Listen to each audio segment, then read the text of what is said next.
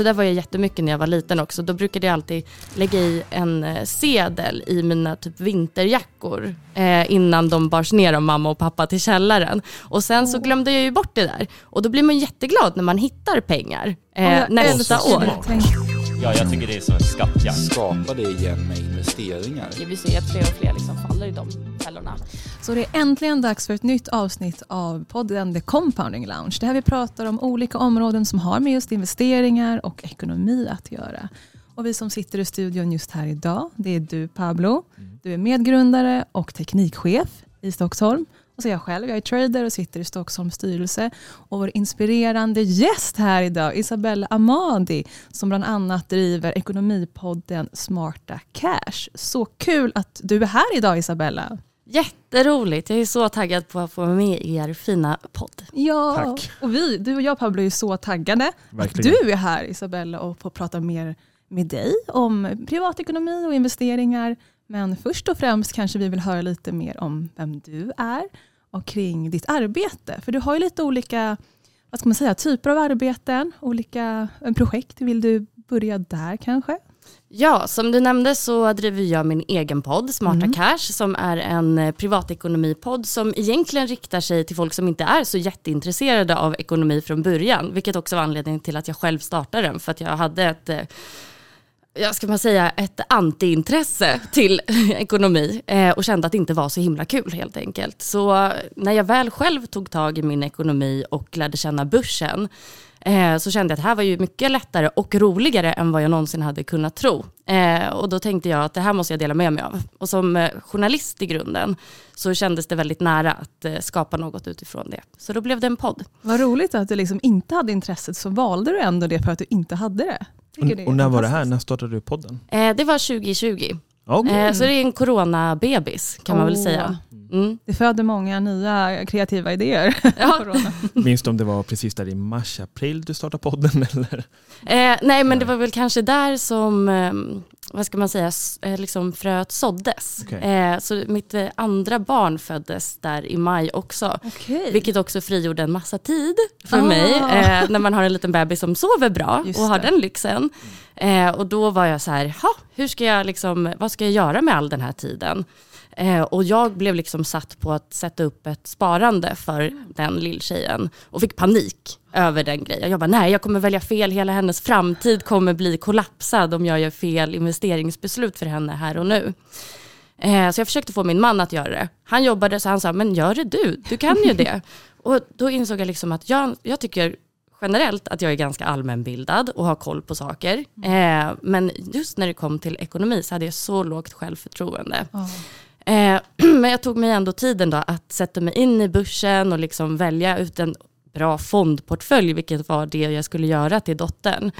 Insåg att det inte var så svårt och ju mer jag liksom läste om men liksom det här kring börsen så insåg jag att det var absolut inte bara jag som hade ett lågt självförtroende när det kommer till ekonomi, utan det är någonting som är väldigt vanligt bland specifikt kvinnor. Mm. Vi har ju pratat med. Manny Hanley om detta Ja. och de säger exakt samma sak. ja, och Ellie Elmont Just också. det. Ja. Ja, det och det är så så himla tråkigt att det ska Ja. vara så. För dessutom om man också tittar på, eh, det finns ju en studie från en rapport som Avanza har gjort. Mm. De gjorde en undersökning om, om det här och den visade också att kvinnor hade lägre självförtroende. Men den visar också att kvinnor investerar snäppet bättre än män när de väl investerar. Så det är väldigt synd att det låga ska känna så. självförtroendet ska göra att man kanske inte vågar gå in på börsen. Verkligen. Jag har också hört eller läst om den. Och, och Det är liksom att man har så höga krav på sig själv, att allt måste vara perfekt. Men så är ju inte Mm. fallet. Det är svårt att göra fel om man bara gör det brett. Mm. Så investera brett. Ja, och det är väldigt lätt att få katastroftankar och tänka att okej, nej men nu kommer jag förstöra hela framtiden för mina barn på grund av ett investeringsbeslut jag gör idag.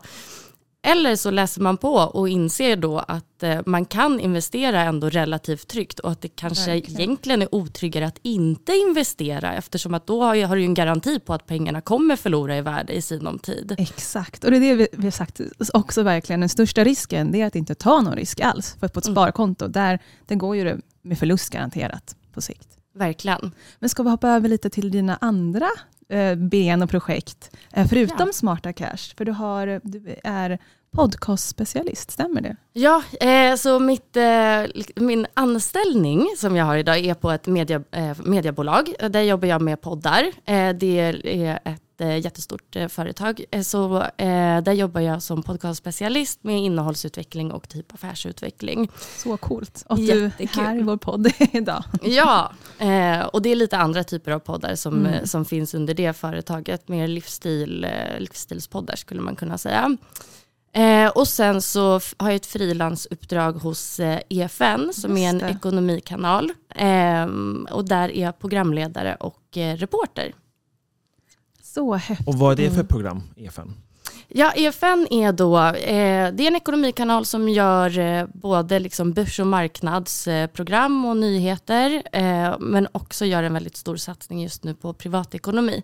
Och det är väl lite där som jag kommer in i bilden och skapar innehåll som man kan relatera till, alltså som privatperson och eh, kanske inte, kanske om man inte är en börshaj redan eh, och man vill titta på sin ekonomi i ett bredare perspektiv. Allt från liksom eh, mat till livsstilsförändringar till, eh, ja det kan vara second hand eller, ja, men också det här liksom att komma igång med börsen. Jag rek- rekommenderar verkligen att följa det på Instagram. Där kan man se väldigt här, korta, koncisa klipp som är väldigt lättillgängligt och eh, lätt att Ja. ta in. Sen finns det också väl på YouTube sa du, Ja, som är kanske lite längre då, ja. kan jag tänka mig. Ja. En riktig ekonomikanal, det är ett perfekt eh, begrepp faktiskt. ja, och det härliga med kanalen det är egentligen att den finns till för att peppa och informera. Den har, drivs inte av ett vinstsyfte Nej. egentligen, så den är ju också reklamfri. Ja, perfekt. Och kring Smarta Cash, då, din egen podcast. Eh, för visst så har du lite fokus på att det ska vara mer kvinnor kanske som berättar sin historia där och som är inbjuden och som är experterna. Mm, verkligen. Alltså, och det bottnar egentligen från, från början när jag själv då kom i kontakt ännu mer med ekonomi. Med Nu har jag varit journalist i tio Mm. år, eh, men jobbat med framförallt nyheter och annan typ av journalistik. Men när jag själv började nörda ner mig mer i ekonomimedia så tyckte jag att det var väldigt homogent. Alltså de som kom till tals där och det Ja. var väldigt sådär eh, vitt och gubbigt Ja. i ärlighetens namn. Eh, och då bestämde jag mig för att jag ska bara intervjua kvinnor i min podd. Eh, så det är det enda inträdeskravet för att få vara med i min podd Ja, egentligen. jag älskar det. Häftigt. Jag har ju själv varit med faktiskt och pratat trading där förra det var året. jättekul att ha med dig Maria. Ja, så kul att vara med. Att Vad var det för avsnitt? Jag har, jag har ju lyssnat på det, men det kan ju vara intressant för våra följare.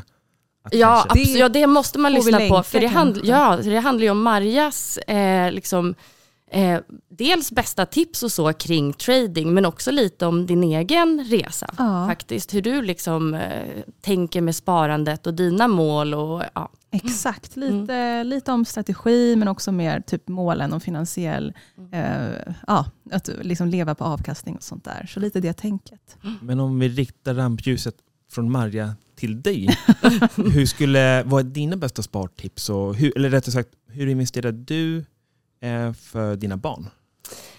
Eh, till mina barn, mina barn har ju då varsin fondportfölj eh, och eh, jag förvaltar ena barnets portfölj och min man förvaltar andra. Och nu har ju vi kul. typ samkört de här eh, fonderna ganska mycket, men de har vissa differenser. Men basically så skulle gissa att de har typ fem, sex fonder var som vi sparar i varje månad. Eh, och det är ju ehm, Eh, varsin global indexfond, varsin Sverigefond, varsin hållbarhetsfond och sen så tror jag att de har, um, eh, om jag minns rätt så har de någon tillväxt och eller Asien. Ja, nå- någonting i den stilen. Vad kul, och så kanske lika mycket i varje fond eller något liknande. Ja, det- ja det, är, det är nog lite mer maxat på de här eh, global och Sverige. Och så har de eh, investmentbolagsfond också. Ja, mm, det, Ja. ja. det har jag också. Jag Mm. tycker, ja, roligt. Det låter Mm. fräscht och diversifierat. Jag gillar det. Det är kul att ni förvaltar varsin. Vi Ja. se om det blir någon tävling. Ja, eller hur? Ja, Men det jobbiga är ju att då, min man har ju nu två år extra på, på sin portfölj, för han började ju då med den första barnet. Ja, ja. Eh, och jag hoppade på tåget då två år senare när Ah. nästa föddes. Och Så han har ju tiden på sin sida lite mer än vad jag har. Då får man justera den avkastningen för din portfölj helt Ja. enkelt. Ja. men kul. Mm. Hur tänker du själv kring investeringar med din egna typer av sparande och investeringar? Det är främst lång sikt kan jag tänka mig. Ja, eller alltså både lång sikt och kort sikt Ja. egentligen. Alltså, jag har ju en, eh, en liksom långsikts långsiktsportfölj där jag har typ eh, eh, uppskattningsvis kanske 60% fonder, 40% aktier. Eh, alltså jag har sjukt mycket fonder, eh, för jag har hoppat fram och tillbaka. Eh, men nu månadssparar jag i typ kanske fem olika fonder. Eh, liknande upplägg som jag har för barnen. Eh, och sen så några olika aktier som jag inte har någon egentlig strategi med längre. Eh, jag hade det förut när jag hade ett större liksom, eh, eh, engagemang i att följa upp bolagen. Så nu puttar jag in pengar i utvalda aktier varje månad. Typ Investor. Alltså jag, jag plockar inte in nytt eller säljer av särskilt mycket just nu. Nej, Utan sitter ganska stilla i det jag har. det låter klokt. Mm, men sen så har jag, alltså vi investerar också på kort sikt och det vet jag att många inte rekommenderar att man ska göra, men det gör vi ändå. Vad kul. Eh, för att vi eh, tänker då ett sparande för liksom ett, en större bostad. Ah, Så då den största delen av sparandet är på sparkonto, men vi investerar också en viss del eh, och känner att det kan vi liksom riska, för det är en oklar tidshorisont, även om det kan vara inom kanske tre år Ja. som vi ska ha de här pengarna. det låter ju som ett bra liksom, grundbeslut. Ja. Faktiskt, ni klarar det, men en liten del är ni villiga att ta risken på. Ja, och förhoppningsvis så, är, vi vet ju att börsen har gått ganska uselt nu på senaste, så vem vet, de här pengarna kanske har chans att växa. Ja. Eller så gör de inte det och då får man väl spara lite mer på men jag, jag, sparkonto. jag gillar det tankesättet för att ja, i normala fall säger, ju, säger vi att man inte ska spara kortsiktigt i, eller investera i börsen kortsiktigt om man då inte, som i ditt fall, är beredd på konsekvenserna. För vissa går då in med alla sina pengar och tänker att ah, men, jag köper den här enda aktien och på ett år så ska jag kunna ha pengarna till en kontantinsats. Mm. Men, eh, och så är pengarna borta. Men Mm. ni, du och Rimman, är ju ändå mer medvetna. Mm. Ni har kanske lite längre kortsiktigt perspektiv.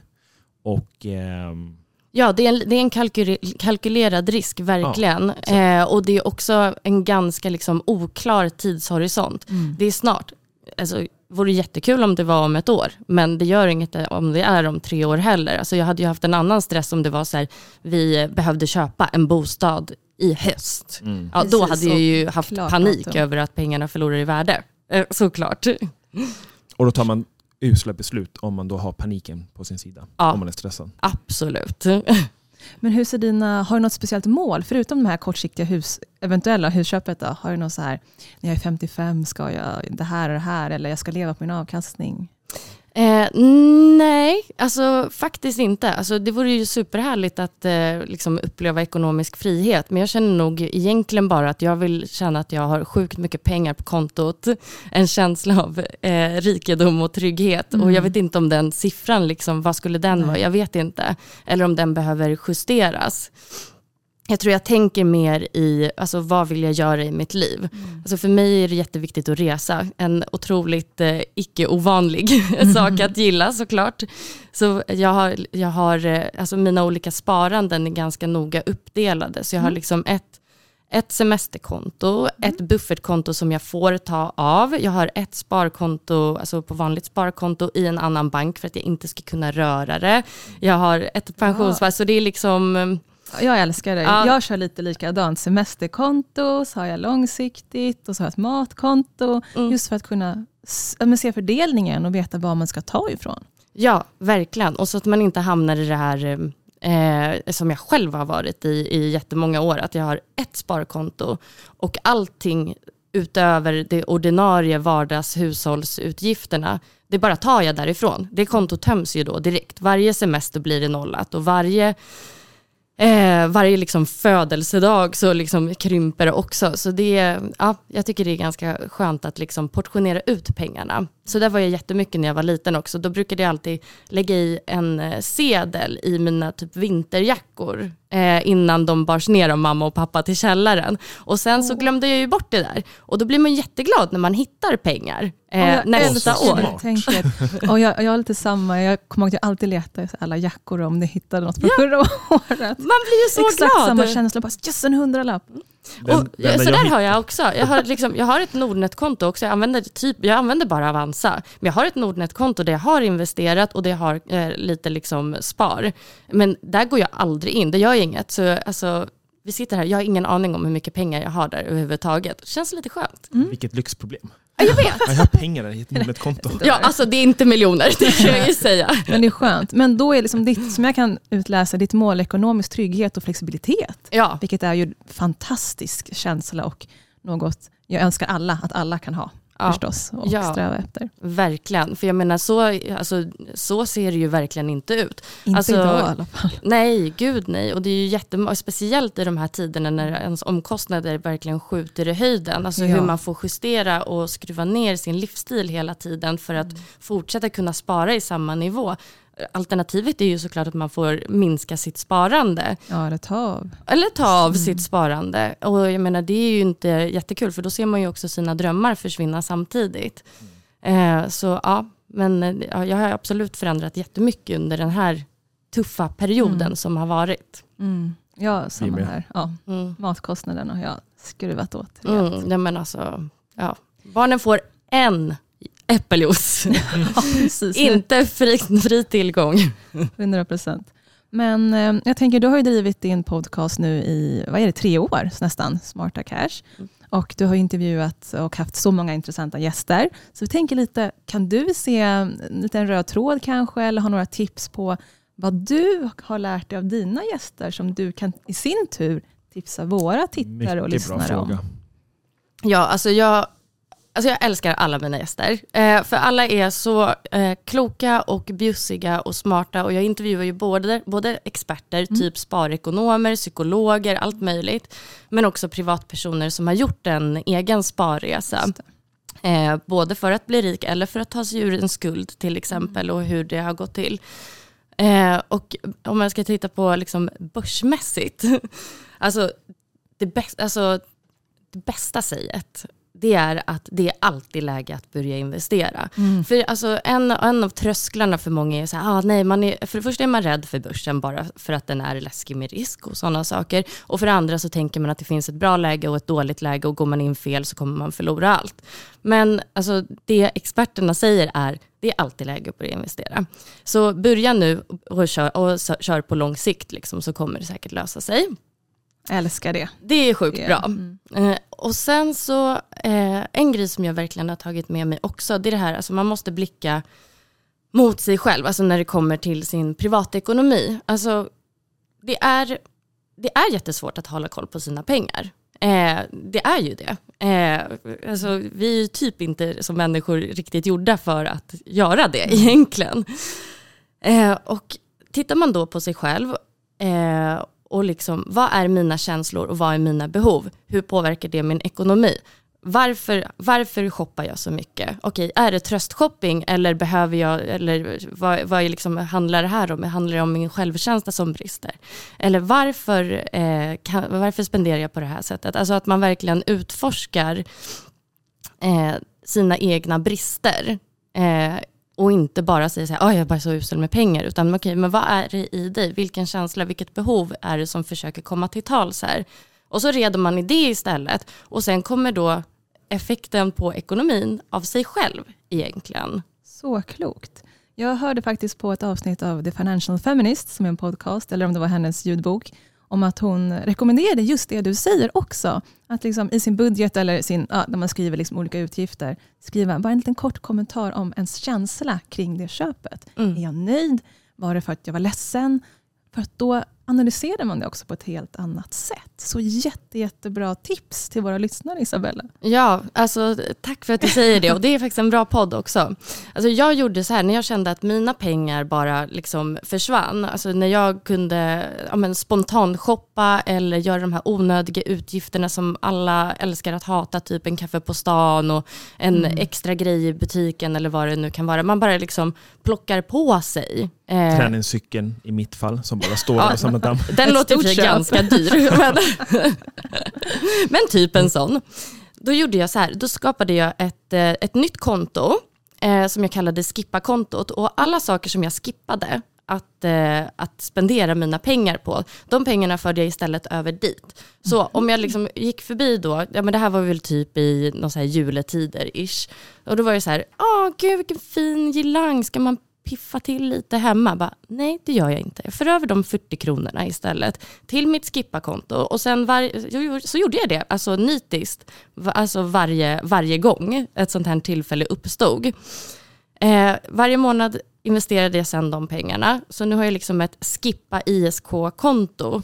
Eh, Åh. Det är på Nordnet. Så det, Åh. det har jag dålig koll på. Typiskt Men- att jag inte frågar hur mycket pengar det var. Men det blev liksom flera tusen. Nu har jag tappat det, men jag höll på i kanske ett halvår. Och men de månaderna som jag gjorde det upplevde jag att jag skapade en liksom beteendeförändring hos mig själv. Så att alltså, idag, jag går inte och köper de här extra prylarna, utan det bara finns inte längre.